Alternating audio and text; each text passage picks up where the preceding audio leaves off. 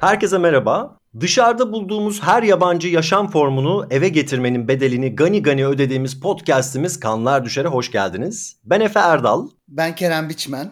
Bu bölümde senaryosunu Bill Lancaster'ın yazdığı, yönetmenliğini ise John Carpenter'ın yaptığı 1982 tarihli The Thing'i konuşuyoruz. Ayrıca bu bölümde bir konuğumuz var. Kendisini Baskın, Housewife, Peri gibi filmleriyle tanıdığımız yönetmen, senarist ve şimdilerde de Çiçeği Burnunda yazar Can Evrenol bize eşlik edecek. Hoş geldin Can. Hoş bulduk. Herkese iyi akşamlar.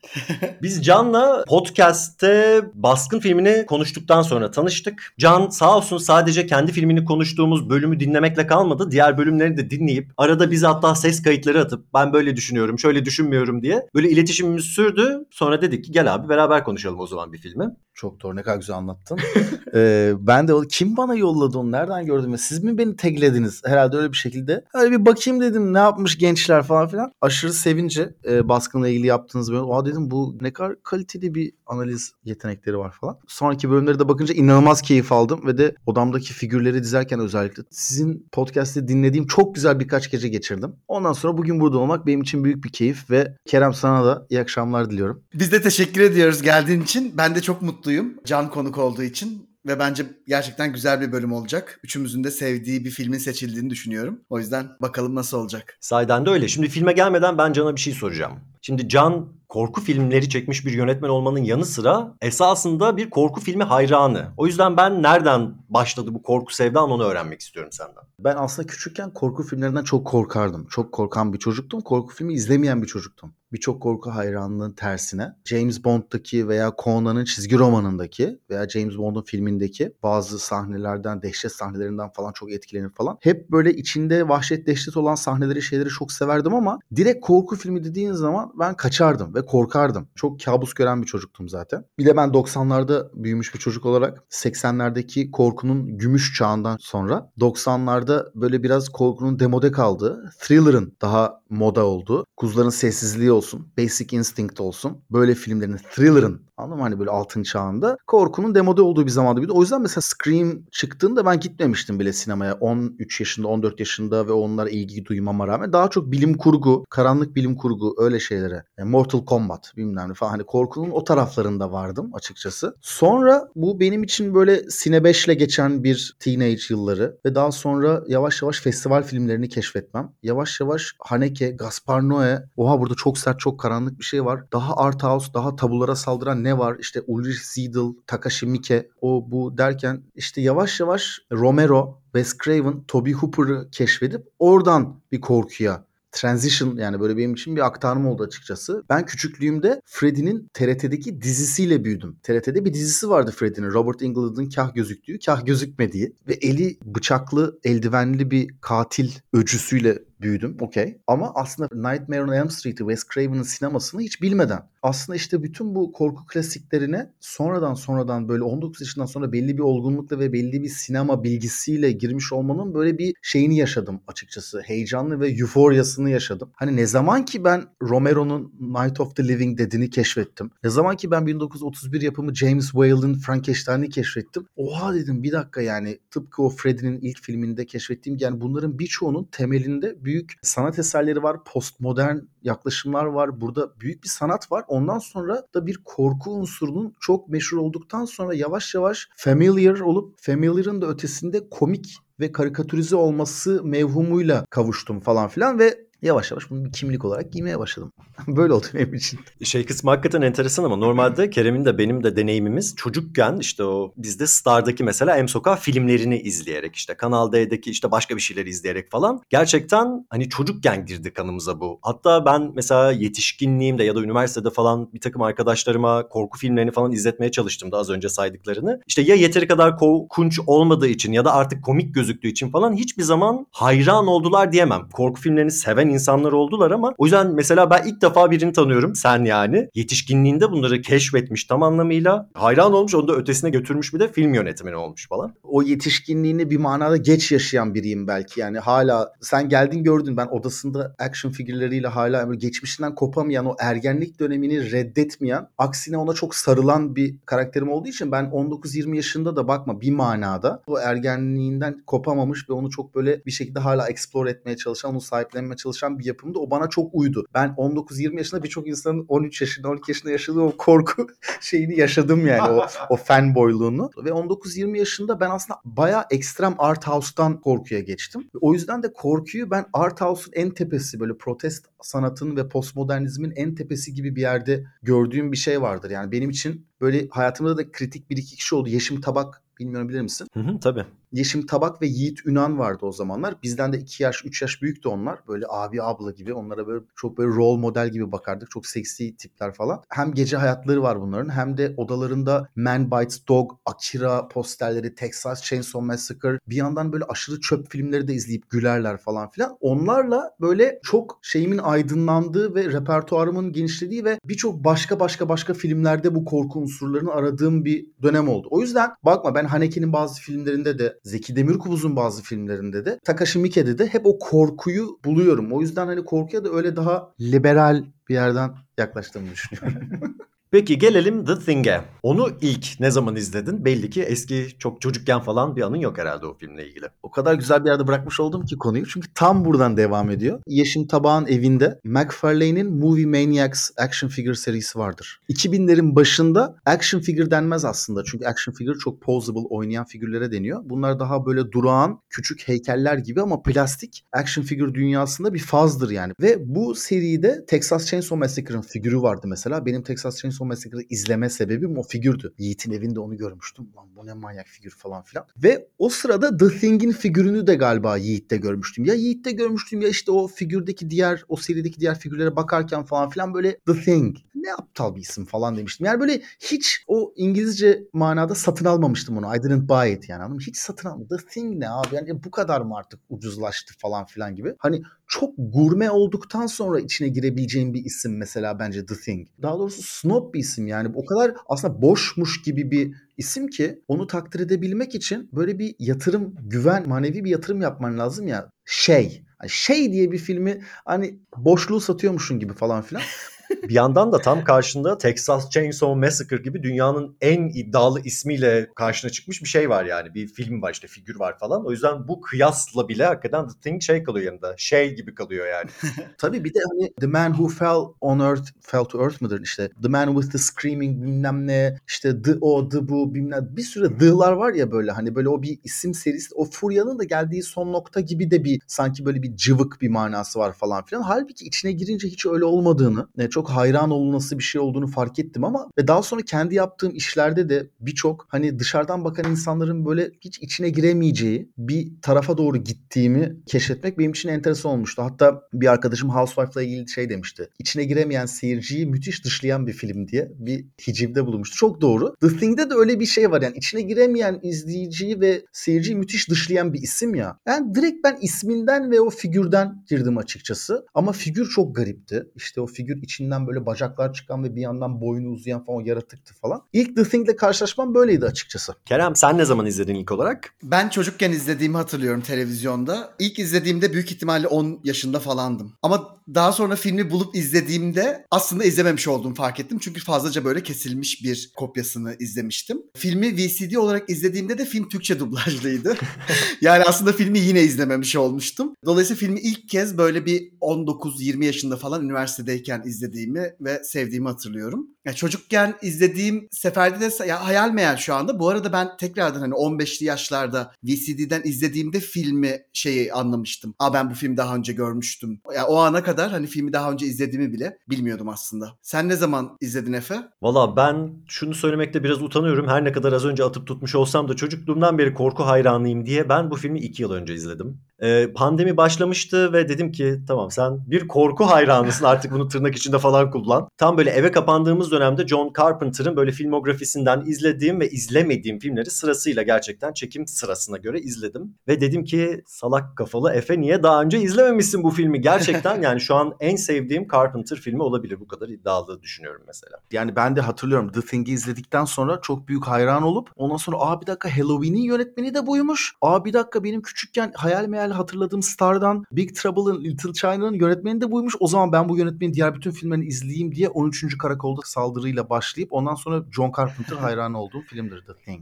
Ya bu arada Can'la tam olarak aynı şeyi yaşamıştım ben de o artık yetişkinlikte. Bu filmlerin yönetmenlerinin işte Halloween'in yönetmeniyle bunun yönetmenin aynı olduğunu keşfedip aydınlandığım anı hatırlıyorum. Bir de yine çocukken televizyonda sürekli yayınlanan şey vardı. Escape from New York bundan bir önceki filmi. Mesela o filmi de çocuk aklımda yine çok fazla severdim. Ama yine bunların hepsinin yönetmeninin aynı yönetmeni olduğunu çok çok geç öğrendim en sevdiğin Carpenter filmleri dediğinde ayırt edemiyorum çünkü ruh haline göre çok değişebilecek. Yani hani Halloween, The Thing, Escape from LA ve Big Trouble in Little China'yı ve hatta In the Mouth of Madness'ı nasıl hani birini diğerinden ayırt edebilirsin diye düşünüyorum ki ben Ghost of Mars'ı bile çok severim. Gerçekten. Evet. Ben valla o listeye Fog'u da eklerim. Ben Fog'u da bayağı seviyorum bu arada.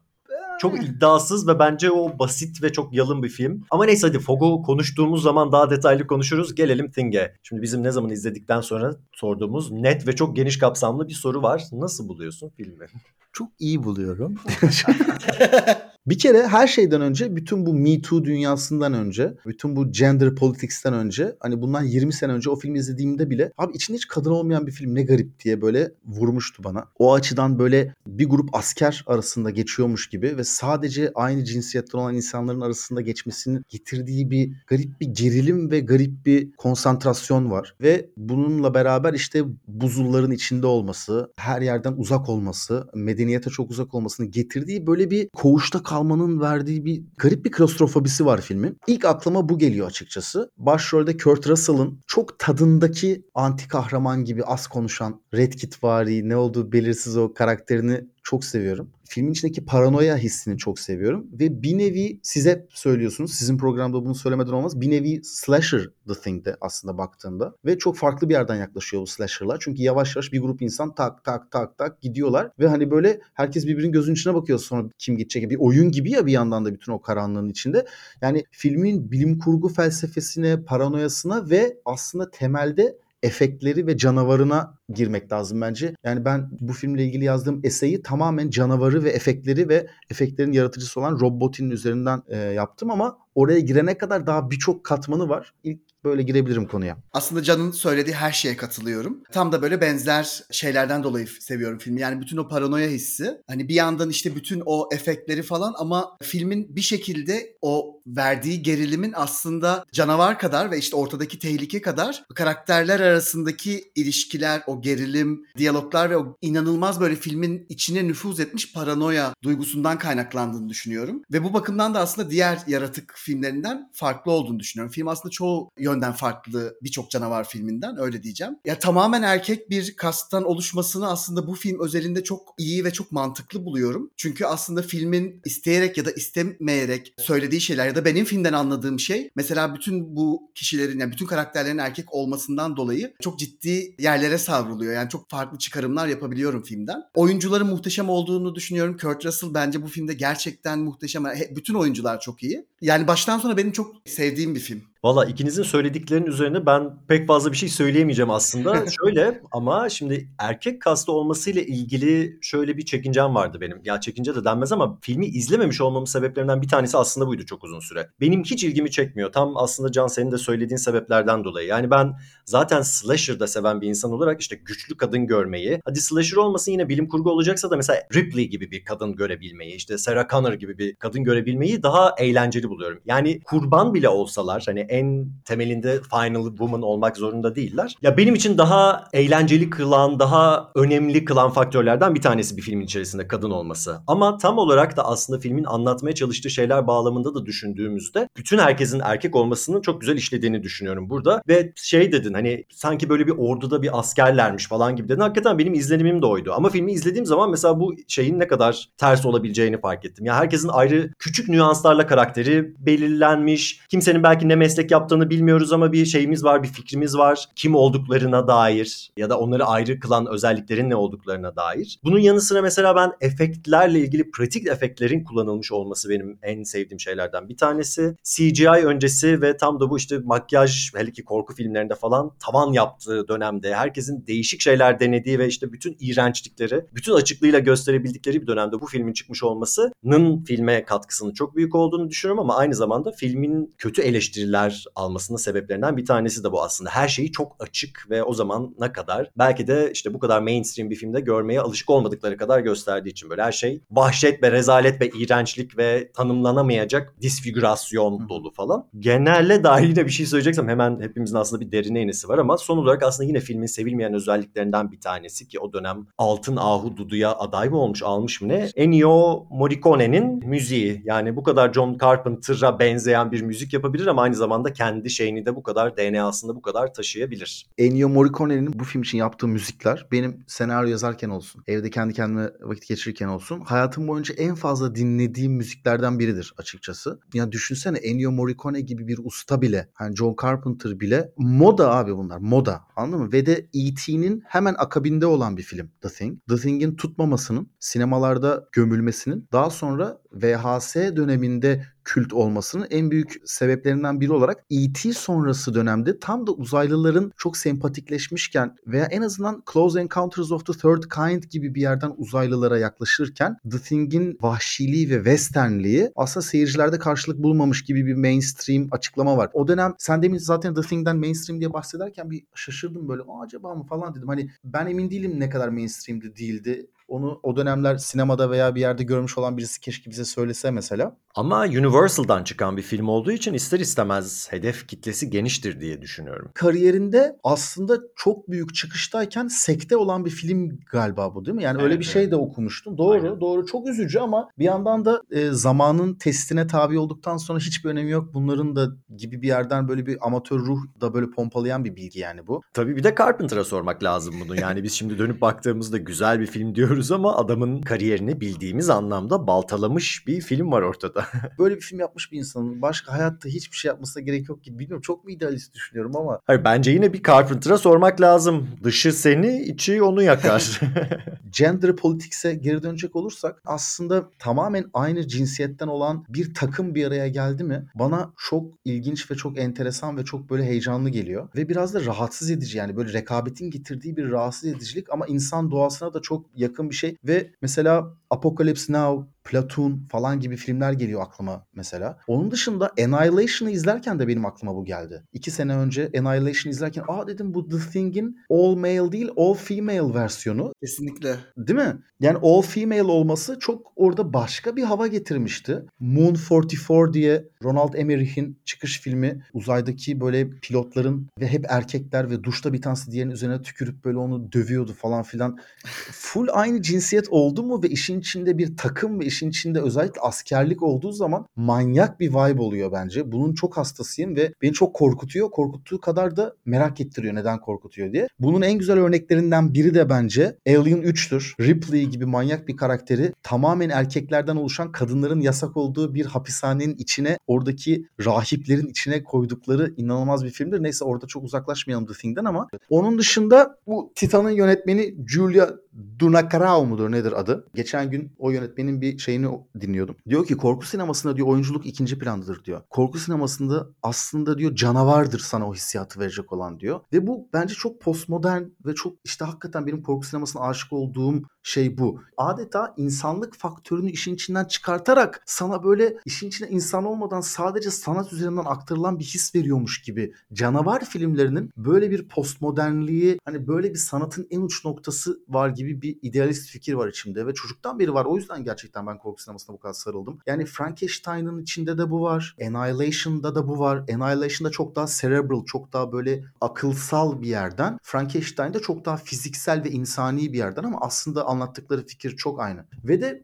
e, biz CGI öncesi döneme dönersek 80'lerde hani canavar yapmak, o illüzyonu yaratmak seyirci üzerinde senin fikrini anlatmak açısından çok önemli bir unsur ya. Burada The Thing canavarı yapışıyla dönemin ve o zamana kadarki sinema tarihinin bütün canavar filmlerinden farklı bir şey yapmış. Bence The Thing'in bütün olayı o yani esas. Burada John Carpenter da diyor ben küçükken canavar filmlerini çok severdim diyor. Ama diyor aslında hep it's a man in a suit diyor tamam mı? Yani bir kıyafetin içine girmiş bir adam. Yani çok iyi ne kadar iyi bir Halloween maskesi olursa olsun ne kadar iyi bir kostüm olursa olsun kostümlü bir adam var orada onu biliyorum izlerken derinlerde bir yerlerde diyor. İlk defa Rob Bottin'in yaptığı o plastik makyajlarda o kafa yere düşünde içinden o bacaklar çıkınca tamam dedim diyor. Yani bir insan formu olmadan da bir canavar yaratabiliyoruz biz bu filmde. Onu görünce ben başardık dedim diyor. Tekrar geri dönüp şeyi söylemek istiyorum. İşte ben ilk bu korku sinemasına bu kadar sardım, ettim bilmem ne. Bilgide sinema seçmeli dersi okuduğum için çok falan. İngiltere'de sinema okumaya başladım tamam mı? İngiltere'de Kent Üniversitesi'nde sinema okuyorum. Harika bir kütüphane var. Ve kütüphanenin bir köşesinde fantastik film köşesi var. Ve orada bir koridor var ki sırf korku ve fantastik filmlerle ilgili ufak bir koridor böyle 3 metrelik. Ve orada Monster diye bir kitap buldum. Ve kitap şöyle açılıyordu. What is a monster?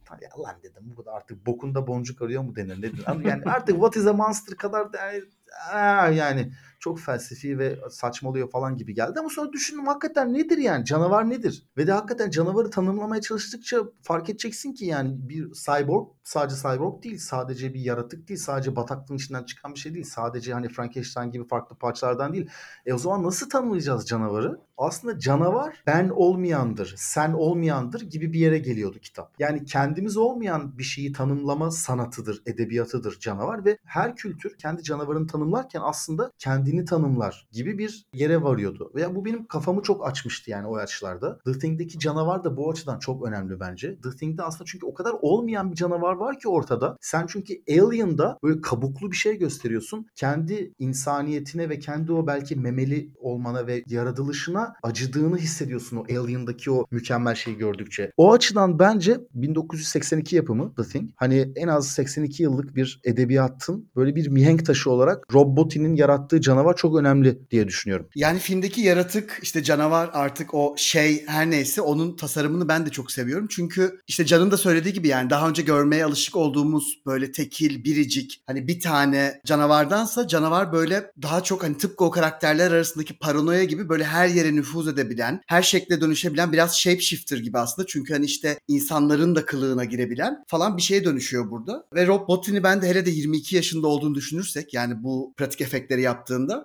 hani şu anda bile böyle ayakta alkışlıyorum. Filmin çekilmesinin üzerinden 40 yıl geçmiş olmasına rağmen hani izlerken hala böyle etkilendiğim ve hani çok böyle gerçekçi ve başarılı bulduğum tasarımlar. Yani gerçekçi olmak zorunda değil her zaman canavarlar ama bu filmdeki tasarımların gerçekten ve o sahnelerin eskimediğini düşünüyorum. Kaldı ki Annihilation'daki gibi burada da mesela canavar böyle aslında her şeye nüfuz edebilen, işte böyle başka şeylere dönüşebilen, o ortama ya da işte içindeki şeyleri dönüştürebilen bir güç gibi gösteriliyor. Bunu da çok seviyorum. Bir de baktığımızda aslında mesela Stranger Things'deki Demogorgon'un tasarımının bile o e, bu filmdeki canavarlardan bir tanesinin o köpeklerin olduğu sahnede açılış sahnesi böyle sanki bir çiçeğin açılması gibi hani bir yandan hem mekanik hem de böyle organik bir şey gibi açılıyor. Aslında ne kadar etkilediğini görüyoruz bu filmin yani kendinden sonra gelen filmleri. Ya gerçekten çok başarılı buluyorum bu filmi ve filmdeki yaratığı. Hatta Rob Bottin önermiş John Carpenter'a yani bunun formunun sürekli şekilden şekile girmesi gerektiğini. Çünkü John Carpenter yine çok singular hani tek bir canavar istiyormuş ama ne olduğunun bilincinde değilmiş. Ve Rob Bottin şey demiş yani tüm evreni gezmiş olan bir yaratıktan bahsediyoruz. O yüzden çeşit çeşit şekil alabilir. O yüzden şekilsiz olsun demiş. Ve hakikaten filmde gördüğümüz kadarıyla hani var olmak için insanı geçtim, köpeği geçtim hani ne olduğunu anlamadığımız eklem bacaklılar, çeşit çeşit başka yaratıklar, koca dişliler, kafası uzayanlar, işte kolu düşenler, bacağı çıkanlar falan. O yüzden güzel bir hayatta kalma mekanizması var aslında bu yaratığın. Ama biz şimdi filmi ilk izlediğimizde köpekte görüyoruz bunu. Hatta çok uzun süre sadece köpek görüyoruz ve biz neden korkmamız gerektiğini bilmiyoruz. Yani daha ilkel bir yerden kodluyor. Hayvanlarla özdeşleştirerek. İnsanlardan ama insanlık öğreniyor bu hayvan. Hatta pislik öğreniyor. Yani sabote etmeyi öğreniyor. İşte o kan bankasını falan açıp yok etmesi. Sahte deliller bırakmayı falan öğreniyor. Ben bunu zannetmiyorum Jüpiter'den falan öğrendiğini. Bayağı oradaki adamların teker teker kimliklerini edinerek, onları absorbe ederek bu bilgilere erişiyor. E, ve filmde hakikaten çeşit çeşit yaratık formu görüyoruz. Mesela o hayvanda köpekli o şeyde gördüğümüz yeri çok enteresan, çok büyük ne olduğunu anlamıyoruz. Karakterler de aynı şeyi hissediyorlar. Ama daha sonra insanda gördüğümüzde full formunu görmesek bile mesela işte o Benning, kel olan adamın işte daha sonra etrafında dışarıda toplaşıp yakıyorlar ya onu. Mesela çığlık attığı bir sahne var. Invasion of the Body Snatchers'ı bana çok hatırlatan bir sahne o. Gerçekten hani hiçbir şey yapmasına gerek yok. Sadece elleri hafif şekilsiz falan. Hani full formunda olmasa bile hani insana biraz benziyor. İşte azıcık bir deformasyon var falan. Buraları bile çok etkileyici buluyorum gerçekten. Ama canavarın gerçekten yani film genelinde de tap yaptığı sahnelerden bir tanesi. Hani film matematiğini düşündüğümüzde de bence o gerçekten çok yüksekte duruyor o sahne. Norris'in bu işte ameliyat masasındaki o büyük dönüşümünü açacağım. Nasıl buluyorsunuz o sahneyi? Yani o benim çok sevdiğim bir sahne ve aslında film orada böyle artık hani daha önce şeyi şöyle ya da böyle görmüş olmamıza rağmen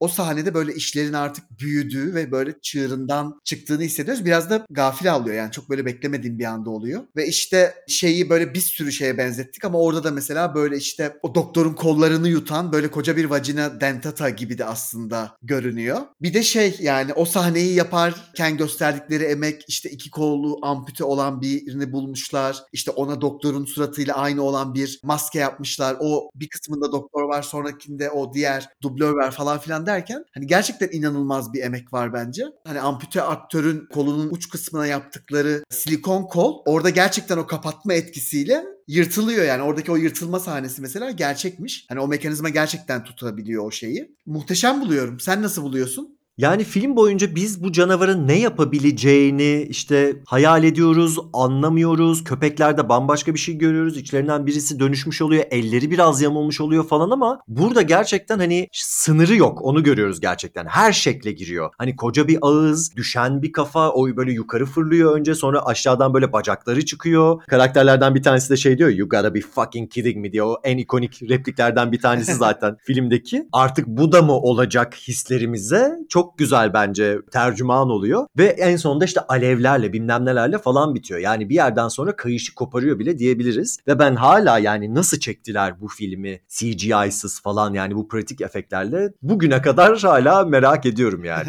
Ya şöyle filmin en ünlü sahnesi olduğunu biliyorum. Çünkü en şok edici. Ama mesela ben geri düşündüğümde hakikaten bende en çok kalan sahnesi o değil. Senin demin anlattıklarının ışığında Robot'inin böyle bir laf ettiğini biliyorum ben de okudum ama aslında hiç dünya dışı bir şeye değmesine gerek yok. Yani dünyaya indiğinden beri temas ettiği bir iki böcek, bir iki canlıyla zaten filmde gördüğümüz bütün o formları kendi içinde üretebilecek bir şey gibi gözüküyor. Ve de böyle Alien 4'te de Ripley'in bir ara böyle bakıp böyle yarım kalmış fetusları gördüğü bir sahne vardır ya. Öyle hani evrimin başka nerelere gidebilecekti? Aslında daha iyi olabilecekti, olmamıştı falan filan gibi bazı böyle garip hissiyatlarını da bize ipuçlarını veren ve neredeyse tamamen formunu görmediğimiz bu canavara acıyacak hale geldiğimiz bazı yerleri var filmin. Demin o söylediğin senin o bağırdığı sahne var ya evet korkuyoruz ve iğreniyoruz ama bir yandan da orada sanki bir şey olmaya çalışan bir karakter evrimde gelememiş de ona isyan ediyor gibi bir hissiyat da var. Aslında bu tarz filmler hep şeydir ya paranoya, paranoya, paranoya ondan sonra bir canavar sahnesi. Paranoya, paranoya, paranoya bir canavar sahnesi. Böyle bir oyundur ya bunlar. Öyle de bir yerden de slasher'a benziyor biraz. Buradaki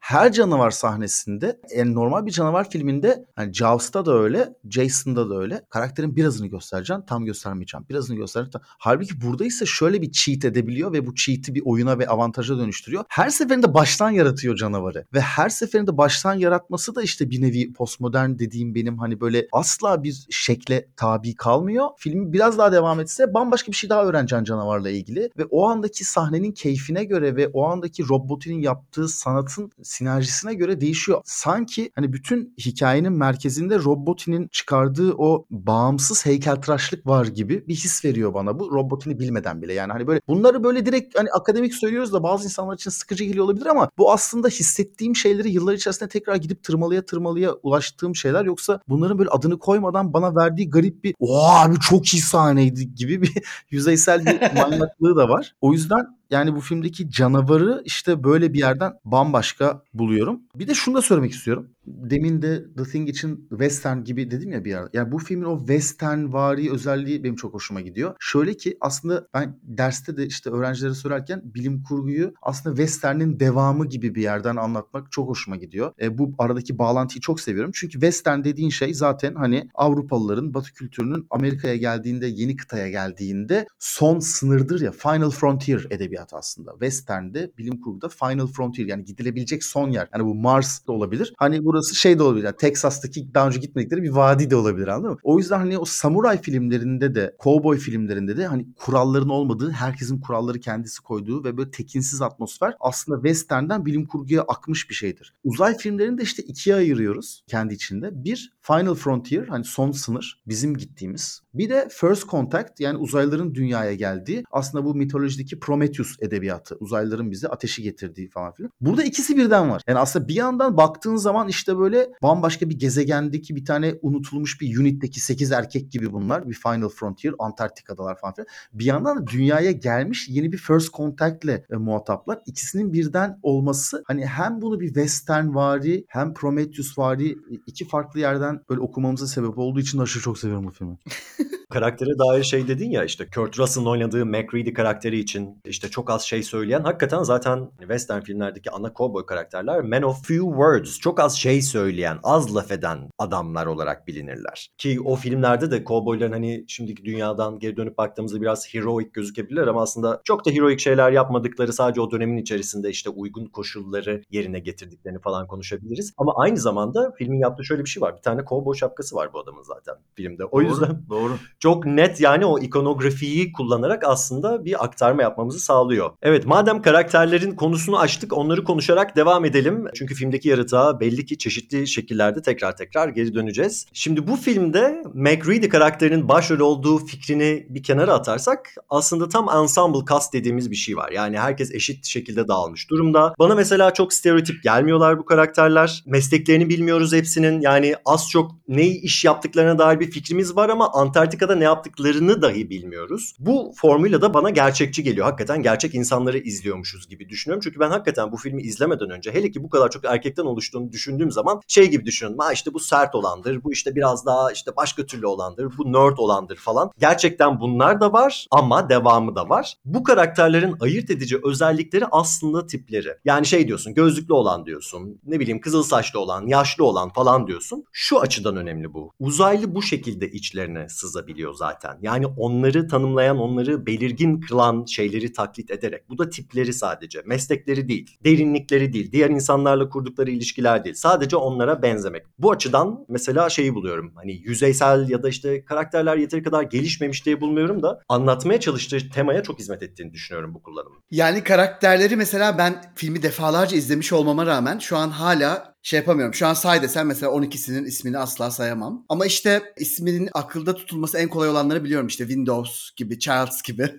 Ve MacReady de aslında çok ön planda olduğu için. Ama şey dedim başlarda sanırım hani böyle çok doğallar. Buna kesinlikle katılıyorum. Ve bu mesela bizim korku filmlerinde çok görmeye alışık olduğumuz bir şey değil. Yani bu derece böyle birbirleriyle olan işte diyaloglarında falan o şeyi hissediyorsun yani. Bunlar gerçekten böyle aylardır Antarktika'da işte kapalı bir yerin içinde bir arada kalmışlar diyorsun. Bu mesela filmin bence en büyük başarılarından bir tanesi. Çünkü bir yandan hani 12 tane karakterin olduğu bir filmde herhangi biri için bunların bir karakter gelişimi falan beklemek çok zor. Ama bu film mesela bence karakter gelişimine ihtiyaç duymuyor. Dediğim gibi tam o doğallık filmi aslında böyle bayağı götüren bir şey. Bir de bazı karakterleri işte ölürken falan tanıyorsun yani. Hani bu çok karakter olan filmlerde var ve bu da bir belli bir birikim aslında böyle senin dediğin gibi yüzeysel gibi bir olaya çok iyi bir gustoyla yaklaştığın zaman arketipleri iyi kullanarak gerçekten çok iyi bir western gustosu var bu filmin. Ben de birçok karakteri Kerem'in dediği gibi hiçbirinin adını ne adını hatırlıyorum falan filan. Bazılarının tiplerini hatırlıyorum tabii de. Burada işte denizaltının içinde kısılı kalmış bir grup askeri tanımak gibi yani bu. O dehşetle karşılaştığında ne yapacak bakalım bu karakterler gibi bir oyuna dönmüş yani. O açıdan ben de çok seviyorum. Bu arada Can'ın asker vurgusuna kesinlikle katılıyorum. Çünkü mesela işte Efe sen de dedin hani bunlar ne iş yapıyor tamam. Hani araştırmacılar ama işte hangisi ne yapıyor böyle birkaç küçük örnek dışında çok fazla bir şey göremiyoruz. Bu tipler bu arada araştırmacıya da çok benzemiyorlar. Hani o kadar çok silah ve o kadar çok patlayıcı ve o kadar çok dinamit ve her şey var ki yanlarında. Hani bir noktada bunların böyle asker gibi konumlandırıyorum ben de kafamda yani. Çünkü işte bir yandan da çok iyi dövüşüyorlar. İşte birçoğunda bir hayatta kalma e, yöntemleri çok gelişmiş falan. İlginç bir grup gerçekten ama ilgi çekici bir grup olduğu kesin. Bir anlamda şöyle bir retroluğu var bunun ki 1980'lere göre de bir retroluğu var. Yüzyılın başında aslında hani arzın merkezine seyahatin falan yazıldığı dönemler Antarktika'ya ve Kuzey Kutbu'na ve Güney Kutbu'na gitmek de böyle çok büyük bir maceraymış. Oralar uncharted regions yani oralar keşfedilmemiş yerler. İşte oralarda en uzağa gidilmiş adamların isimleri biliniyor falan filan. Ve e, Lovecraft'ın In the Mouth of Madness'ında da olduğu gibi hani bir dönem 1900 yılların başında baya böyle kutuplara gitme diye bir racon var. Böyle bir janr var. Aslında öyle bir yerden baktığında da bunlar bir grup elinde patlayıcısı olan, osunu olan, busu olan her türlü tehdide karşı kendini savunacak böyle yarısı asker, yarısı bilim adamı bir western ekibi yani o açıdan baya Final Frontier yani. 1982'ye göre bile biraz demode olsa da aslında hani mesela benim rahmetli peder anlatırdı bana babam yani biz küçükken derdi hani kutuplarda bilmem nerede falan acaba ne var falan gibi bir fikir vardı bizde derdi. Çünkü oralar hakikaten gidilmemiş. Yani şimdiki gibi Google Maps'i olmayan hakikaten gidilmemiş. Giden varsa da dönüp ne anlatmış acaba falan gibi manevi olarak da bir uzaklığı olan bir şey var. Bu hissiyatların üzerine kurulduğu için de bence o kadar iyi çalışıyor. Bu sanki gerçekten Jüpiter'in bir satellite'ında bir ekipmiş gibi bunlar gibi bir hissi var yani. O yüzden yani yanlarındaki o patlayıcılar o yüzden onların askeri karakterleri falan garip bir şekilde sırıtmıyor. Bunun arkasında sanki bu var gibi geliyor bana bilmiyorum. Tabii ben programın başında söylememiz gereken şeyi şimdi söylemek durumunda kalacağım. Şimdi bu film bir novella uyarlaması aslında. 1938'de yazılmış. O yüzden hani tam da senin söylediğin gibi aslında Antarktika'da değil Kuzey Kutbu'nda geçiyormuş. Asıl hikaye Who Goes There adı hikayenin. John W. Campbell Jr.'ın yazdığı bir hikaye bu. Hatta hikayenin bir ilk uyarlaması var. The Thing from Another World diye. Bu da 51'de çekilmiş. Hatta John Carpenter bu filmin hayranı. Halloween'de hatta izlediğini görüyoruz bu filmin falan. Biz zaten Halloween 3'ü konuşurken işte John Carpenter'ın bu filmi çekmek istemediğini falan demiştik. Halloween'den bahsediyorum. Tam aynı yıl bu filmi çekiyordu çünkü aynı zamanda. O yüzden senin bu söylediğin işte 1900'lerin başında işte tam da o dünyanın merkezine yolculuk zamanlarında dünyanın gidilmemiş yerlerinde egzotik şeylerin barınıyor olması fikri hakikaten biraz da 1938'de yazılmış bir öyküden uyarlanmış olmasıyla alakalı. Gel gör ki işte 1982'ye geldiğinde de bu etkileyiciliğinden hiçbir şey kaybetmemiş bir şekilde karşımıza çıkıyor. Yani ben dedim ya işte iki sene önce izledim ben bile yedim yani. Gayet mümkün yaşanması mümkün. Nasıl ya 80'lerde yaşandı bitti demem mesela bu film Tabii, için tabii. yani. Ya burada şöyle bir şey var. Yani 80'ler remake için inanılmaz bir yıl. Yani bu teknolojik olarak sanatın teknolojiden aldığı destekle aslında çok alakalı bir şey. Çünkü Kafka'nın dönüşüm hikayesinin eski Vincent Price'lı Sinek filminin nasıl Cronenberg'in ellerinde bambaşka bir hikayeye dönüştüğünü gördüysek The Thing de aslında işte o eski The Thing from Another World filminin remake olduğu zaman ne kadar harika bir şey olduğunu gösteren bu, bu senelerde mesela bence o kadar 1930'lar ve 50'lerle 80'ler arasındaki fark gibi bir fark yakalamak çok zor. O zamanlar gerçekten sinemada büyük bir fark var. Şu anda belki tam tersine gibi bile bir fark var. Ve de aslında 1980'ler baktığın zaman oyuncakların da altın çağı ve plastikle ilgili bir durum var burada. Bence plastik make-up efeksin de bu kadar artık böyle tavana çıkması, oyuncakların da He-Man'lerin, Star Wars'ların, G.I. Joe'ların uçması hani dünyada plastiğin geldiği noktada e, hep bana bunu düşündürtüyor. Ve de bu filmde aslında işte o Rob Bottin'in plastik make-up sanatı ve de işte o yaptığı işin kendi o yapaylığına dikkat çeken bir doğası var. Yani o yüzden bence bunun 2000'lerdeki remake'i veya sequel'ı mıydı neydi kesinlikle aynı efekti veremiyor. Çünkü CGI ile en azından bugünün CGI ile o efekti yaratmana imkan yok. Çünkü burada şöyle bir şey var. Baktığın zaman filmdeki oyuncuların bazıları her sabah sete geldiğimizde hani kapıdan girdiğimizde manyak sanat eserleri görüyorduk diyor. Ve o sanat eserleri not necessarily onlar ikna edici değil aslında. Buna aa çok gerçek demiyorsun. Sadece orada çok garip bir şey var anladın mı? Hani o bir heykelle ve kuklayla yaratılan ve robotin de bu arada çekim boyunca daha az ışık yapın, daha fazla gölge yapın, daha fazla slime yapın diye deliriyormuş. Yani onları yapıyor, yapıyor, yapıyor. Sonra da fazla ışık koymayın üstüne diyor. Hep böyle bahsetmeye çalıştığım bu filmle ilgili en çok sevdiğim o postmodern dediğim hissiyatın buradaki bu efektlerin bu plastiğine dair olduğunu düşünüyorum çok. Çünkü yani bugün mesela bir special effects olduğu zaman ulan neye bakıyorum ben demiyorsun. Cronenberg'in Rabbit filminde mesela kadının koltuk altındaki o fallik objeye baktığın zaman bir dakika lan burada garip bir fallik obje var diyorsun falan. Hani böyle seni ikna etmektense sana başka bir şey düşündürüp böyle bir şey hayal ettiren ama bir nevi de hani görsel olarak değil ama hani hikayesel bir yerden ikna eden garip bir yapısı var o dönemin plastik efektlerinin. Keşke biz de o dönemde yaşayıp film yapsaydık dedirten bize değil mi?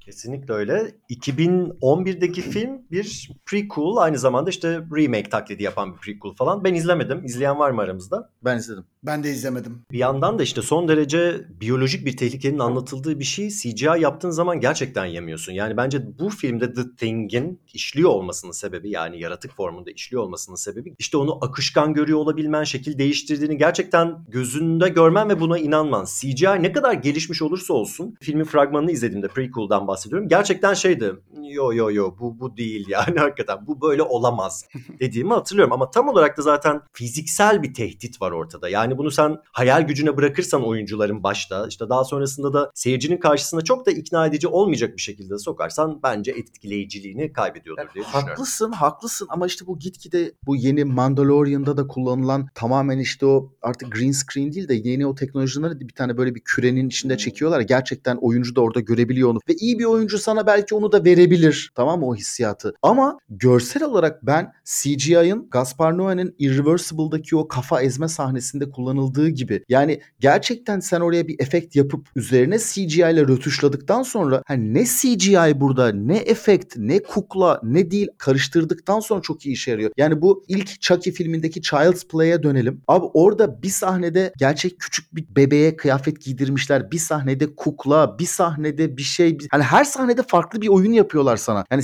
CGI'ya düştüğün zaman bunu kaybediyorsun ya. Bence oyuncunun performansından falan da öte böyle bir tek düzelik getiriyor açıkçası. O yüzden hani bu The Thing'de işte her sahnede canavarı tekrar keşfetme oyununda çok etkiliydi yani bence bu. Bu arada kesinlikle CGI'ya karşı olduğumdan değil. Mesela benim en sevdiğim filmlerden bir tanesi sinemada ilk izlediğim film Jurassic Park. Yani CGI'ın hala bence yeni filmlerinde bile yapamadığı kadar muhteşem bir kullanımı var Ama- o filmde. Ama lafını balla kesiyorum. Bu tam da dediğin gibi mesela bak Terminator 2'de de Jurassic Park'ta da burada aslında sadece CGI değil orada bir sürü efektler var. Bir sürü maketler var. Yani maketle CGI karışımı CGI'yi bir destek olarak kullandıkları için Aynen işte tam da ben buraya getirecektim zaten lafı. Neyse bir şekilde toparlamış olduk. kesinlikle. Şimdi McReady'ye geri döneceğim. Karakterleri konuşuyorduk. Kerem hatta sana atıyorum topu. Nasıl buluyorsun karakter olarak? Yani McReady aslında işte diğerlerinin hepsinden böyle ayrılmış bir karakter. Öyle ki hani yaşadığı yer bile farklı bir yerde. Kurt Russell'ı çok seviyorum yani bu filmde sakallı ve işte o 80'ler saçlı halini daha da çok seviyorum. Ve bir bakıma aslında McReady'nin işte filmin sonunda hayatta kalma sebebini de tam da diğer karakterler kadar duygusal olmaması ya da mesela biz diğer karakterleri birlikte oynarlarken, birlikte işte e, vakit geçirirlerken görüyoruz filmin en başında. Ama McReady çok böyle yalnız kovboy. Yani o işte bilgisayarda mesela bir şey oynuyor ki bilgisayarla bile kavga ediyor bir noktada.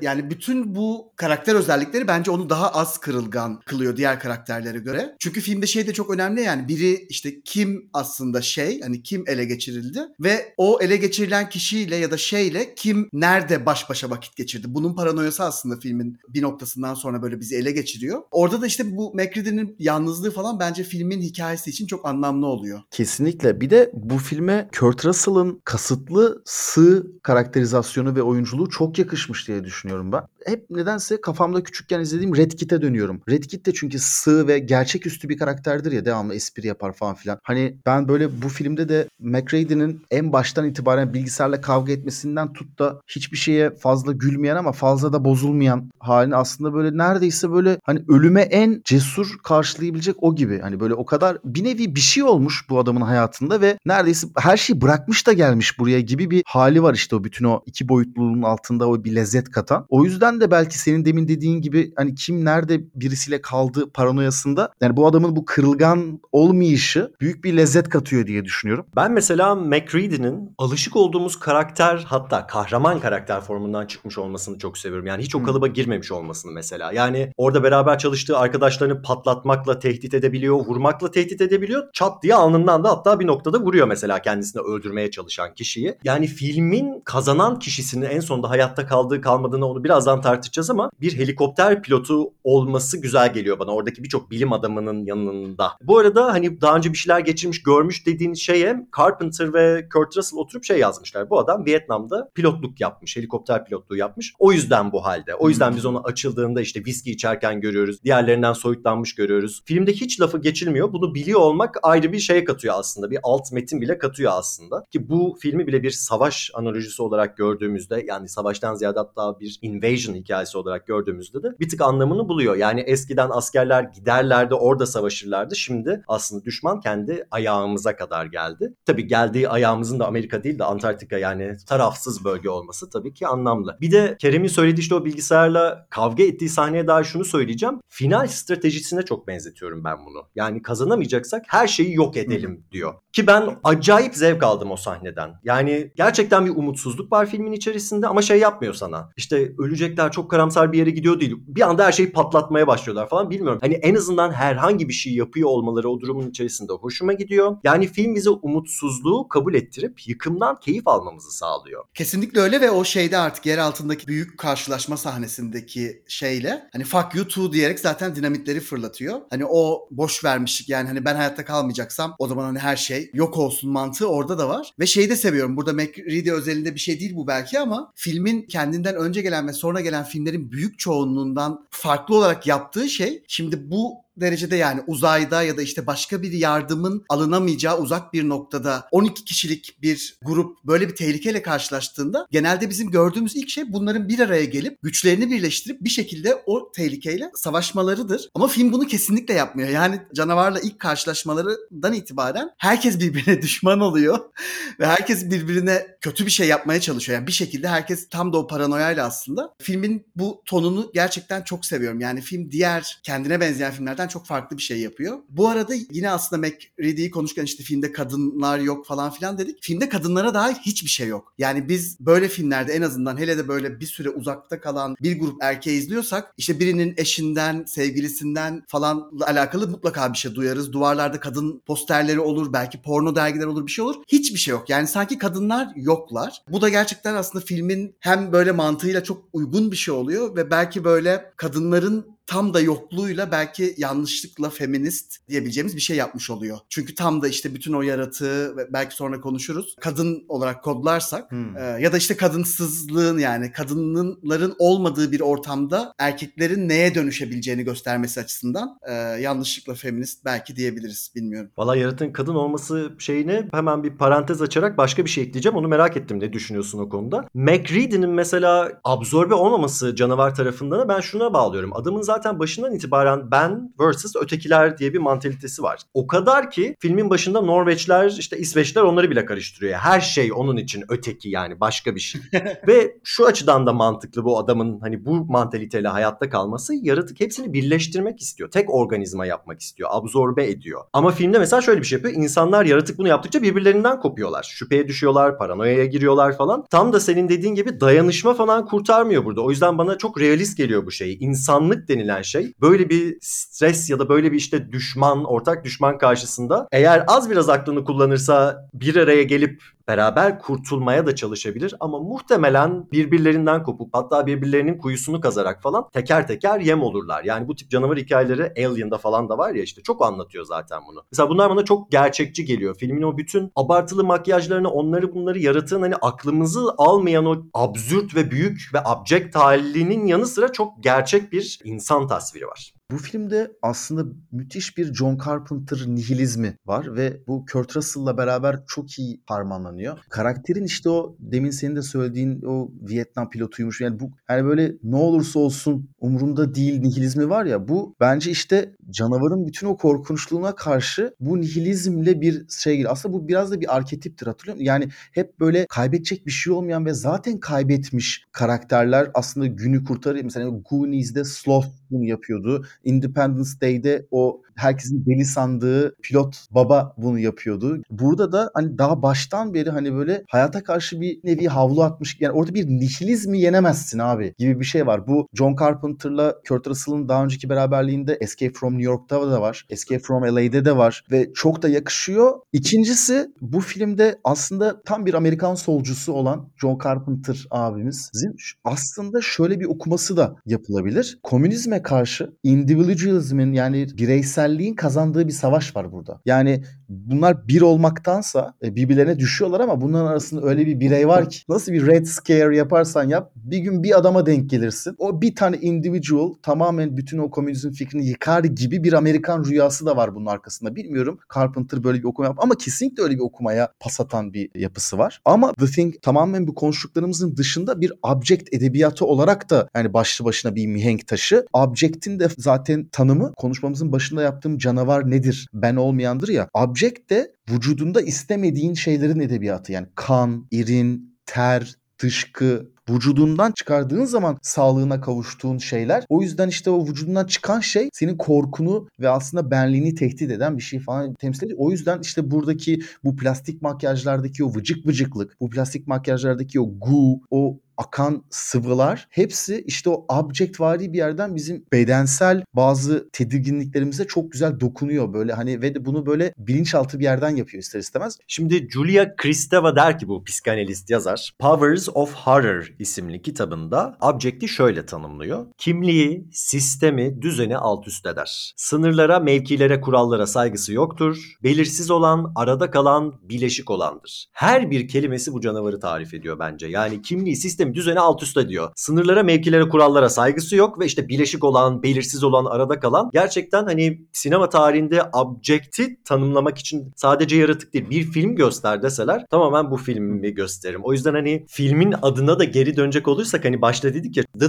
Thing işte ne koysunlar bunun adını sadece şey. Çok iyi bağladın. Aslında yani lütfen yani benim ilk baştaki konuşmalarım arasında bunu yapıştırabilir misin? Bir şey, yani çünkü hakikaten ben de yani konuşmanın başında onu anlatırken ama neden bir dakika falan diye tam da bulamadım sebebini. Bence çok iyi bağladın. Gerçekten de tam o sebepten o ilk baştaki içi boş gibi o tanım bu söylediklerinin ışığında çok daha işte ama o belli bir gurmelik gerektiriyor ve o gurmelik olmadığı zaman da hani küçük bir çocuğa havyar veriyormuşsun gibi dışlıyor yani filmin ismi seni. Ya ben hakikaten filmin zaten zamanında çok işte anlaşılmamış ya da başarısız olmuş ya da fazla işte vahşet ya da şiddet içerdiği eleştirilerinin biraz bundan kaynaklandığını düşünüyorum. Çünkü o dönemde evet şimdi Jason'lar falan çıkmaya başlamıştı. Şiddet, vahşet zaten gözüküyordu ama burada tanımsız bir vahşet var. Her şey, hiçbir şey, çok şey ama aynı zamanda az şey falan böyle. O yüzden tam olarak da object üzerine kurulu olduğu için ben filmin anlaşılmadığını ve şimdilerde geri dönüp anlaşıldığını düşünüyorum. Keza VHS döneminde de başlamış sanırım o anlaşılma ve kült statüsü. Sinemada bir gümledikten sonra ama o dönemler daha hani VHS yeni olduğu için sinemada gümleyen filmin VHS'den aslında parasını baya baya geri getirebileceğinin farkında değil insanlar. Çok kısa bir süre sonra bunun farkına varacaklar ama o sıralarda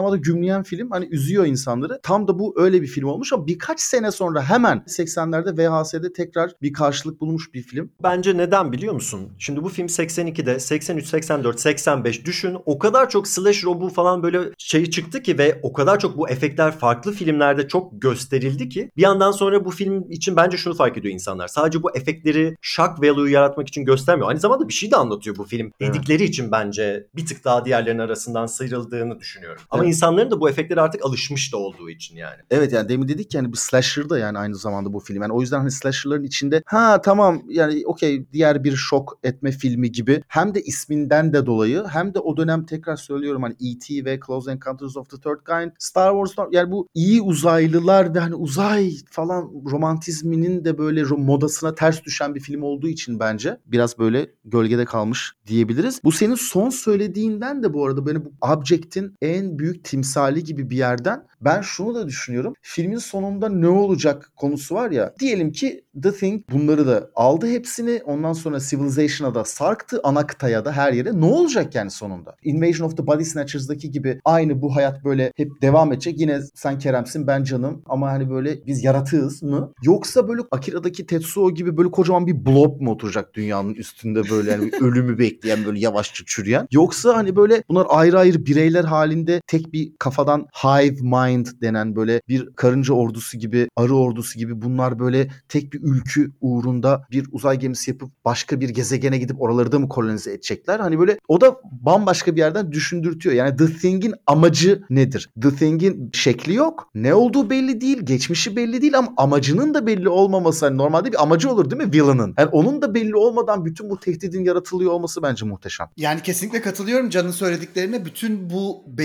belirsizlikler bence filmi böyle daha anlamlı ve daha etkileyici kılıyor. Aslında zaten filmin son sahnesinde konuşuruz hani bütün bunları konuşmuşken belki ilerlerde. Ama şey katılıyorum Can'ın söylediklerine. Dur oraya gelmeden önce ben size bir şey soracağım. Filmin test sahnesini nasıl bulduğunuzu soracağım. Kan testinden bahsediyorum. İkinizin de çok sevdiği hatta bir filme çok benziyor. Bakalım hangi film olduğunu bulabilecek misiniz? Bu işte paranoya kim içlerinden uzaylı çıkacak. Ne ne ne ne ne ne ne ne. Sene 98. Robert Rodriguez'in filmi. Ben hatırlıyorum. Can sen? Şu an sen Rodriguez deyince hatırladım. Aynen. The Faculty'den bahsediyorum. Ya test sahnesini çok çok seviyorum. Dediğin gibi işte fakültede kokainle yapılan burada işte kanlarını böyle ısıtarak anlatarak yapılıyor. Çok gergin bir sahne ve gerçekten çok sevdiğim bir sahne. Yani orada bir de o sahnenin aslında devamında işte kanın bir tanesinin sıçramasıyla başlayan ve o sandalyeye birbirine bağlı üç karakterin hani bir tanesinin şeye dönüşürken diğerlerinin hani onunla aynı koltuğa bağlı olmaları falan muhteşem bence. Zaten oradan başlayarak böyle film o tam da şey sahnesi gibi diğer hani doktorun kollarının böyle şeyin içinde yutulduğu sahne kadar en az etkileyici bence o sahne.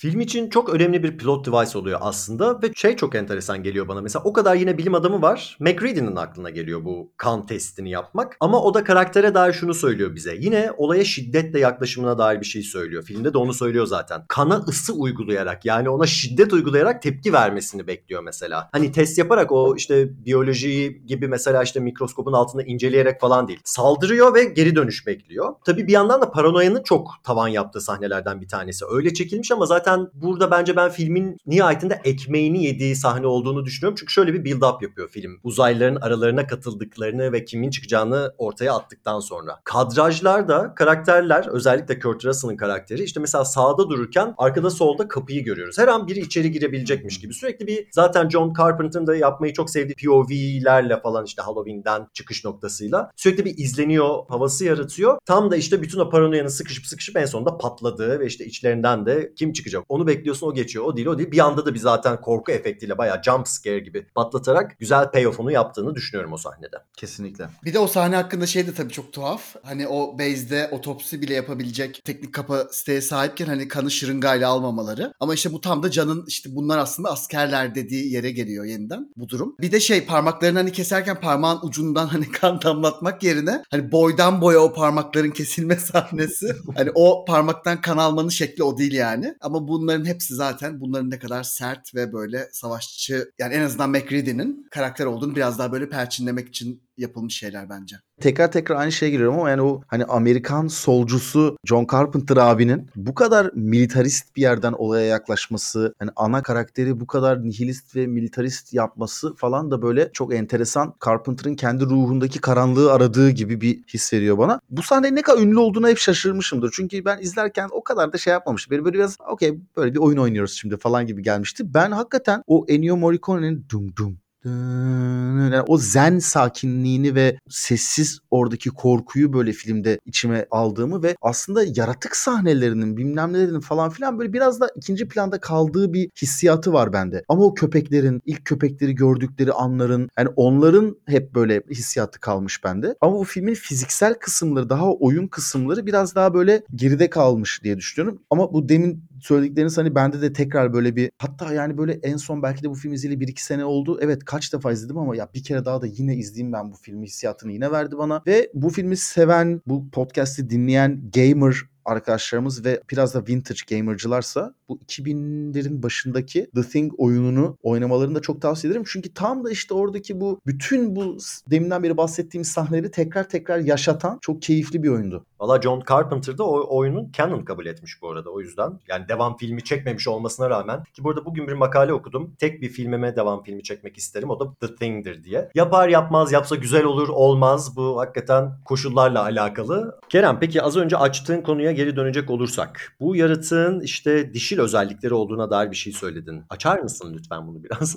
yani burada aslında işte sadece erkeklerden oluşan bir birim görüyoruz. Yani bunlar hep birlikteler. Ve sonra dışarıdan bir şey gelip oradaki düzeni dolayısıyla bir noktada heteronormativiteyi bozuyor. O noktada gelen ilk işte köpekle geliyor ve onun bir dişi olabileceğini düşündüm mesela. Çünkü köpek diğer köpeklerle aynı yere kapatıldığında da aslında bir doğum gerçekleşiyor da gibi orada. Yani kendi içinden böyle tekrardan açılarak. Aynen aynen. Bütün bu doğum ve işte şeyin özellikle dönüşmeye ya da insanların içinden çıkmaya başladığı sahnelerdeki akan şeyler, bütün o plezentaya benzeyen sıvılar, kanlar falan hani birazcık böyle doğumu yani. Çünkü Can bir yerlerde söylemişti aslında sürekli kendini değiştiriyor ve yeniden bir noktada böyle doğuyor gibi bu şey. Ya bu arada kesinlikle haklısın ya. Böyle zaten tam sen konuşmaya başlayınca şeyi düşündüm. Evet çok doğurgan bir tehdit bu. Doğurgan bir şey. Bu devamlı yeni bir tehdit devamlı dediğim yaratık doğuruyor. Ama şunu unutmuştuk ki hakikaten o ilk başta o köpeğin geldiği sahne bir doğum sahnesi ya. Çok böyle korkunç bir doğum korku arketip sahnesi var orada. Öyle başlıyor bütün her şey. O açıdan da hani böyle karakteri dişi olarak tanımlayan bir bakış açısı aslında ilk sen söylediğinden çok daha plausible gözüküyor şu anda. Bir de şey yani bu karakterler sürekli birbirlerine bir şey olduklarını ya da olmadıklarını kanıtlamaya çalışan karakterler. Yani işte bir kere sürekli şey olmadıklarını kanıtlamaya çalışıyorlar birbirlerine. Bunun dışında aralarındaki o gerilim birazcık böyle sanki hani şeyle savaştıkları kadar birbirleriyle ve dolayısıyla erkekliğin kendisi yani sürekli ne kadar erkek olduklarını ispatlamaya çalışıyorlar gibime de geliyor. Tüm bu sebeplerden sanki böyle bir çıkarım yaptım yani ama emin de değilim bir yandan ama ben böyle bir şey çıkarmak da bence çok mümkün filmden. Ya benim mesela bu ameliyat masasındaki bu doktorun ellerini yediği sahneye dair işte ilk aklıma gelen imge olarak işte vagina dentata diye daha önce de konuştuğumuz o görsel geliyor aslında. Ama yine de biz işte sen az önce dedin Can işte doğumun korkunçluğu biz birkaç bölüm önce Brood'da falan anlattık bunları. Biz siz üç tane erkek olarak işte doğum ne kadar abjektir işte kadın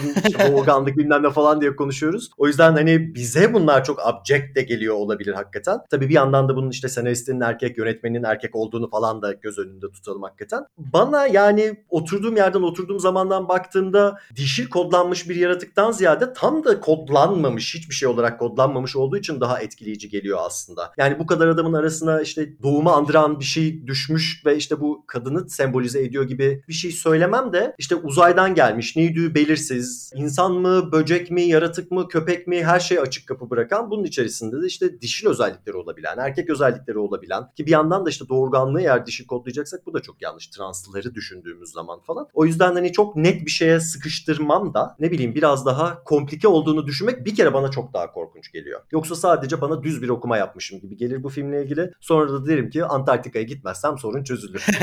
Bu arada mesela bu doğum korku tırnak içerisinde şeyi mesela Blue Lagoon'daki Mavi Göl'deki kızla oğlan orada bir cenneti yaşarken hani böyle bir hamilelikle beraber hayatlarına bir what the fuck giriyor ya orada o kız da o what the fuck'ı erkek de what the, yani böyle aslında doğum bence cinsiyetten bağımsız olarak kadını da erkeği de hani Adem ve Havva seviyesinde baktığımız zaman bu doğum korkusu yaratılış korku gibi. Hani bu yaradan hani biraz da böyle içinde teolojik bir yerden yaratılış. Biz neyiz? Nereye gidiyoruz? Neden? Neden böyle bir travma yaşıyoruz? Hayat doğum, yaşam falan gibi bunların hepsini alttan alta veren bir şey var. Hani bu senin demin söylediğin gender penceresi de var. O pencereden Kerem'in dediği de doğruydu bence ama bu dediğim açıdan da hani o bir de ve köpekten de geliyor olması yani iyice hani böyle çok korkunç ve insani kılıyor bütün bu oradaki dehşeti. Yani şimdi biz dışarıdan doğurmayan insanlar olarak bize korkunç geliyor. Eminim doğuran kişi için de çok abject bir şeydir. Brut'ta dedik hayatın mucizesidir, ay ne kadar güzeldir falan. Yani ben doğurmuş arkadaşlarıma sorduğumda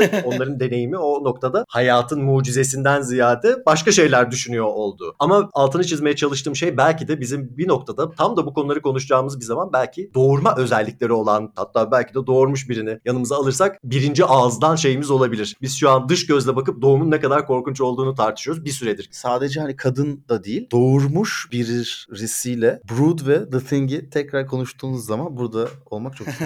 Bakalım ona benzer bir film elbet buluruz. Çünkü bu korkular korku filmlerinde çeşitli defalarda, çeşitli şekillerde mevzu ediliyorlar nihayetinde. Brood ve The Thing'in yanına bu manada doğum üzerinden neyi koyarız? Alien. evet doğru doğru. Hayır, buna benzeyen Alien ama şimdi Kerem senin de söyleyeceğin. Benzemesin diye Rosemary's Baby de konabilir. Ha evet ama Alien daha bence hani böyle tam kütüphanede bunların yanındaki film sanki. Alkışı aldım yaşasın. Şimdi gelelim filmin sonuna. Başından beri zaten sonunu konuşmaya çalışıyoruz. ne oldu bunlara? Kim kazandı? Kim hayatta kaldı? Kaldılar mı? Ne düşünüyorsunuz? Abi hiç önemli değil bence. The Thing'in hani sebebinin, amacının, tarihinin, nedeninin hiç belli olmaması, filmin sonunda ne olduğunun da belli olmaması. Aslında işte bu 20. yüzyılın sanat nosyonunun ruhuna çok uyuyor. Çünkü 20. yüzyıldaki sanatı da belirleyen aslında işte endüstriyel devrimden sonra hani Avrupa'da özellikle sosyalizmin arttığı bir dünyada Age of Mechanical Reproduction diye bir tanımla karşılaşmıştım üniversitede. Mekanik tekrar üretim çağı. Yani bir sanat eserinin aslında biricikliğinin eserin kaybolduğu ve belli bir noktadan sonra da ondan kaç tane yapabilirsinin daha ön plana çıktığı ve o sanat eserini yaparken ki esere yaklaşımını da seni etkileyen bundan kaç tane yapılabilir nosyonu gitgide sanat eserinin ne olduğundan da bağımsız ve bunu kilisenin, dinin hegemonyasından da çıkartıp sanatı hani böyle iyice özgürleştirmek babında iyice soyutlaştıran bir yapısı var. Üniversitede The Thing üzerine bir essay yazmıştım, bir kompozisyon yazmıştım. İşte bu filmin işte buradaki yaratığın bütün o var ama yok, neden varlığının ve bütün o plastik makyajının falan hepsinin böyle aynı noktada birleştiği ve bu yüzden bu filme bu kadar hayran olunduğu gibi bir şeyler yazıp en sonunda da After all man is the warmest place to hide diye de bir yalaka bir cümleyle de bitirmişim kompozisyonu. Merak edenler www.canevrenol.com'da okuyabilirler. Yani filmin sonunu ben çok seviyorum. Her anlamda çok seviyorum. Başlarda birkaç kez ikiniz de söylediniz sanırım. Yani bütün o filme nüfuz eden nihilizm aslında filmin finalinde zirveye çıkıyor. Yani biz bir kere 82 yılında işte Universal stüdyolarından çıkmış ve Amerika'nın ya da dünyanın kurtarılmadığı bir Amerikan filmi izlemiş oluyoruz bu filmin sonunda. Bu bence son derece etkileyici bir şey. Bilmiyoruz yani bence burada biraz oturalım diyor McCready. Hani biraz bekleyelim burada diyor. Ve bence bu muhteşem bir son ve muhteşem bir son cümle. O yüzden gerçekten çok seviyorum filmin sonunu. Yani film boyunca o hissettiğimiz bütün gerilim, işte bütün o gerginlik bir anda yani hem çözülüyor ama hem de aslında çözülmüyor. Ve aslında bu filmin bir sonu yok. Yani bunu söyleyeceğim. Ya bu film bitmiyor. Ve dolayısıyla tam da böyle aslında filmin çağdaşlarının genelde yaptığı işte büyük son, işte herkes kurtulur, şu olur, bu olur e, gibi değil de bir yere bağlamamasını çok seviyorum filmin sonunun. Peki podcastçı Kerem olarak değil de tamamen seyirci Kerem olarak senin kişisel olarak düşüncen nedir? Childs veya McCready ikisinden biri The Thing mi yoksa ikisi de The Thing mi yoksa yoksa ne? Ya ben bir Charles'dan şüphelenmiyor değilim açıkçası. Yani bilmiyorum çünkü McCready'ye filmin başından itibaren çok ciddi bir güven duyuyoruz aslında seyirci olarak. Toz konduramıyoruz değil mi? Toz konduramıyoruz. Bir de şey ee, hani birçok teori var işte bununla ilgili böyle birkaç şey okudum. Çoğuna aslında katılmıyorum ama bir de o bir süre kayboluyor. Yani tam da Climax'te kaybolan karakterin altında genelde pis bir şey çıkar. Childs'ın tavırları da yani bir o kadar McCready'ye çok böyle senkronize ve böyle çok yani bir o kadar ondan da şüphelenmiyorsun aslında. Sanki ikisi de mesela benim şahsi hani, görüşüm sanki ikisi de yok ve defeat edildi. Yine de bu tehdidi ve paranoyayı geçirmiyor yani bak öyle de bir şey var. Hani bence ikisi de insan onların ama yine de ben onların yerinde olsam bir daha rahat uyuyamam.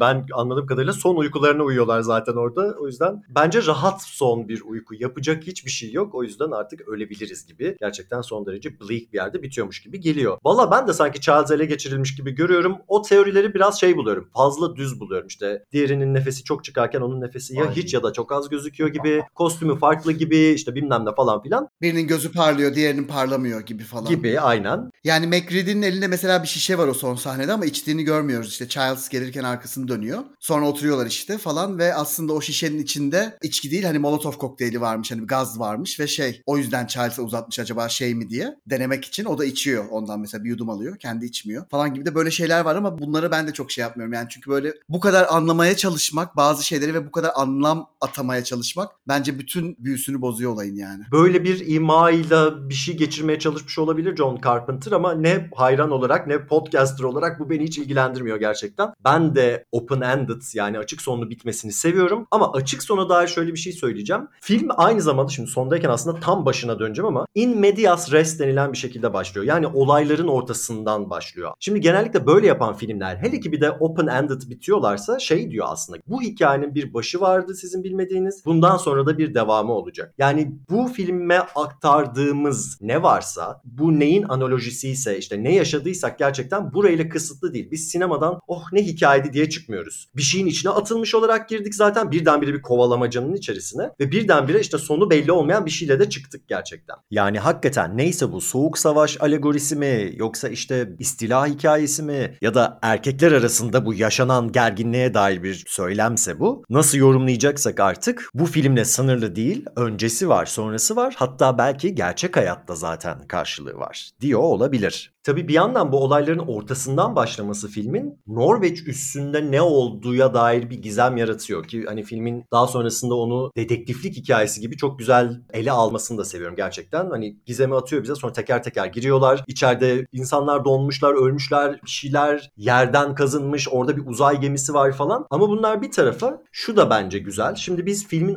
asıl en en başında şeyi görüyoruz. Bir uzay gemisinin dünyaya yaklaştığını görürüz. Dünyaya düştüğünü görüyoruz ya da neyse. Unutuluyor o değil mi? Yani? Aynen. Bayağı unutuluyor. Evet. Hemen arkasından köpek olayını görüyoruz. Halbuki 100 bin yıl öncesiymiş bu. Yani diyor ya ne kadar zamandır buzun içerisindedir diye. Ama bunun bu şekilde ardışık bir şekilde veriliyor olması şu kapıya da çıkıyor aslında. Buradaki yaşam formu için bu 100 bin yıllık sene kısacıkmış. Göz açıp kapayıncaya kadar geçmiş. Hani sanki o gemi dünyaya inmiş hemen sonrasında da köpek koşmaya başlamış. Yani birbirinin peşi sıra gelişen ve kronolojik olarak da hemen arkasından gerçekleşen bir olaymış gibi gösterdiği için. Hani varoluşu zaten biçimsel olarak bizim gerçeklik algımızın ötesinde ama bizim zaman algımızın da ötesinde. Yani orada filmin sonunda uyudular mı, kaldılar mı, kurtarılacaklar mı o bir yana. Childs'ın içinde eğer hakikaten varsa o uyur, çok uzun süre uyur ve daha sonrasında bir şekilde zaten yolunu bulur. O yüzden filmin sonu başı da düşündüğünde hani ne kadar uzun süre uyuyabileceğini de göz önüne aldığında daha da karanlık geliyor aslında. Bu sebepten dolayı daha çok seviyorum. Belki de hep bazılarımızın içinde zaten.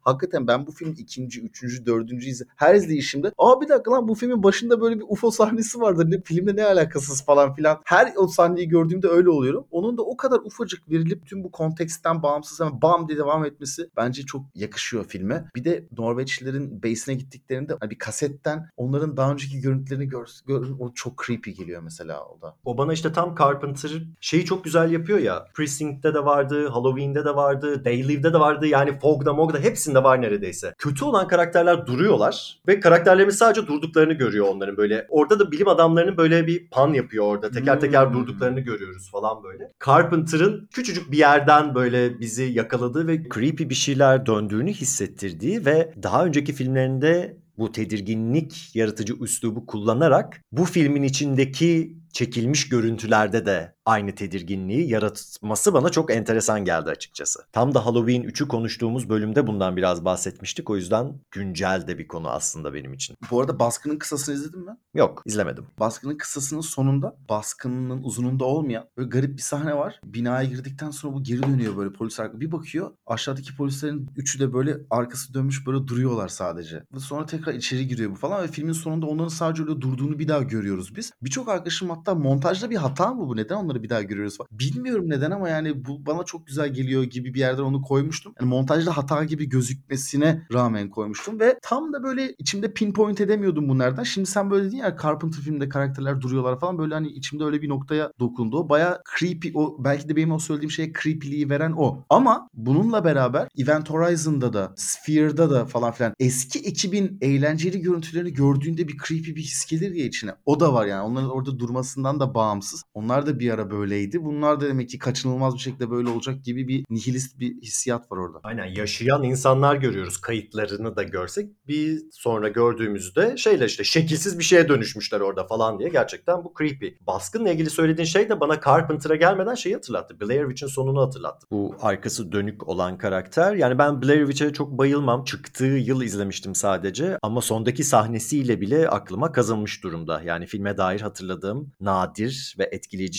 şeylerden bir tanesi. Bilmiyorum sen seviyor musun filmi ama ve o zamandan beri de filmi izlemedim hala beynime Ben kazınmış durumda. Çok yani. severim. Evet evet kesin. Doğru söylüyorsun. Evet bizim bu filme dair söyleyeceklerimiz bu kadar. Can'a bize katıldığı için çok teşekkür ediyoruz. Aynen teşekkür ediyoruz Can. Ben teşekkür ediyorum. Çok keyifli, harikaydı. Zaten bunu bekliyordum uzunca bir süredir. Tekrar konuk olmayı heyecanla bekliyorum. Harika. Onun da sözünü şimdiden aldıktan sonra Aynen. bu bölümü kapatabiliriz. Dinlediğiniz için teşekkür ederiz. Bir sonraki bölümde görüşmek üzere.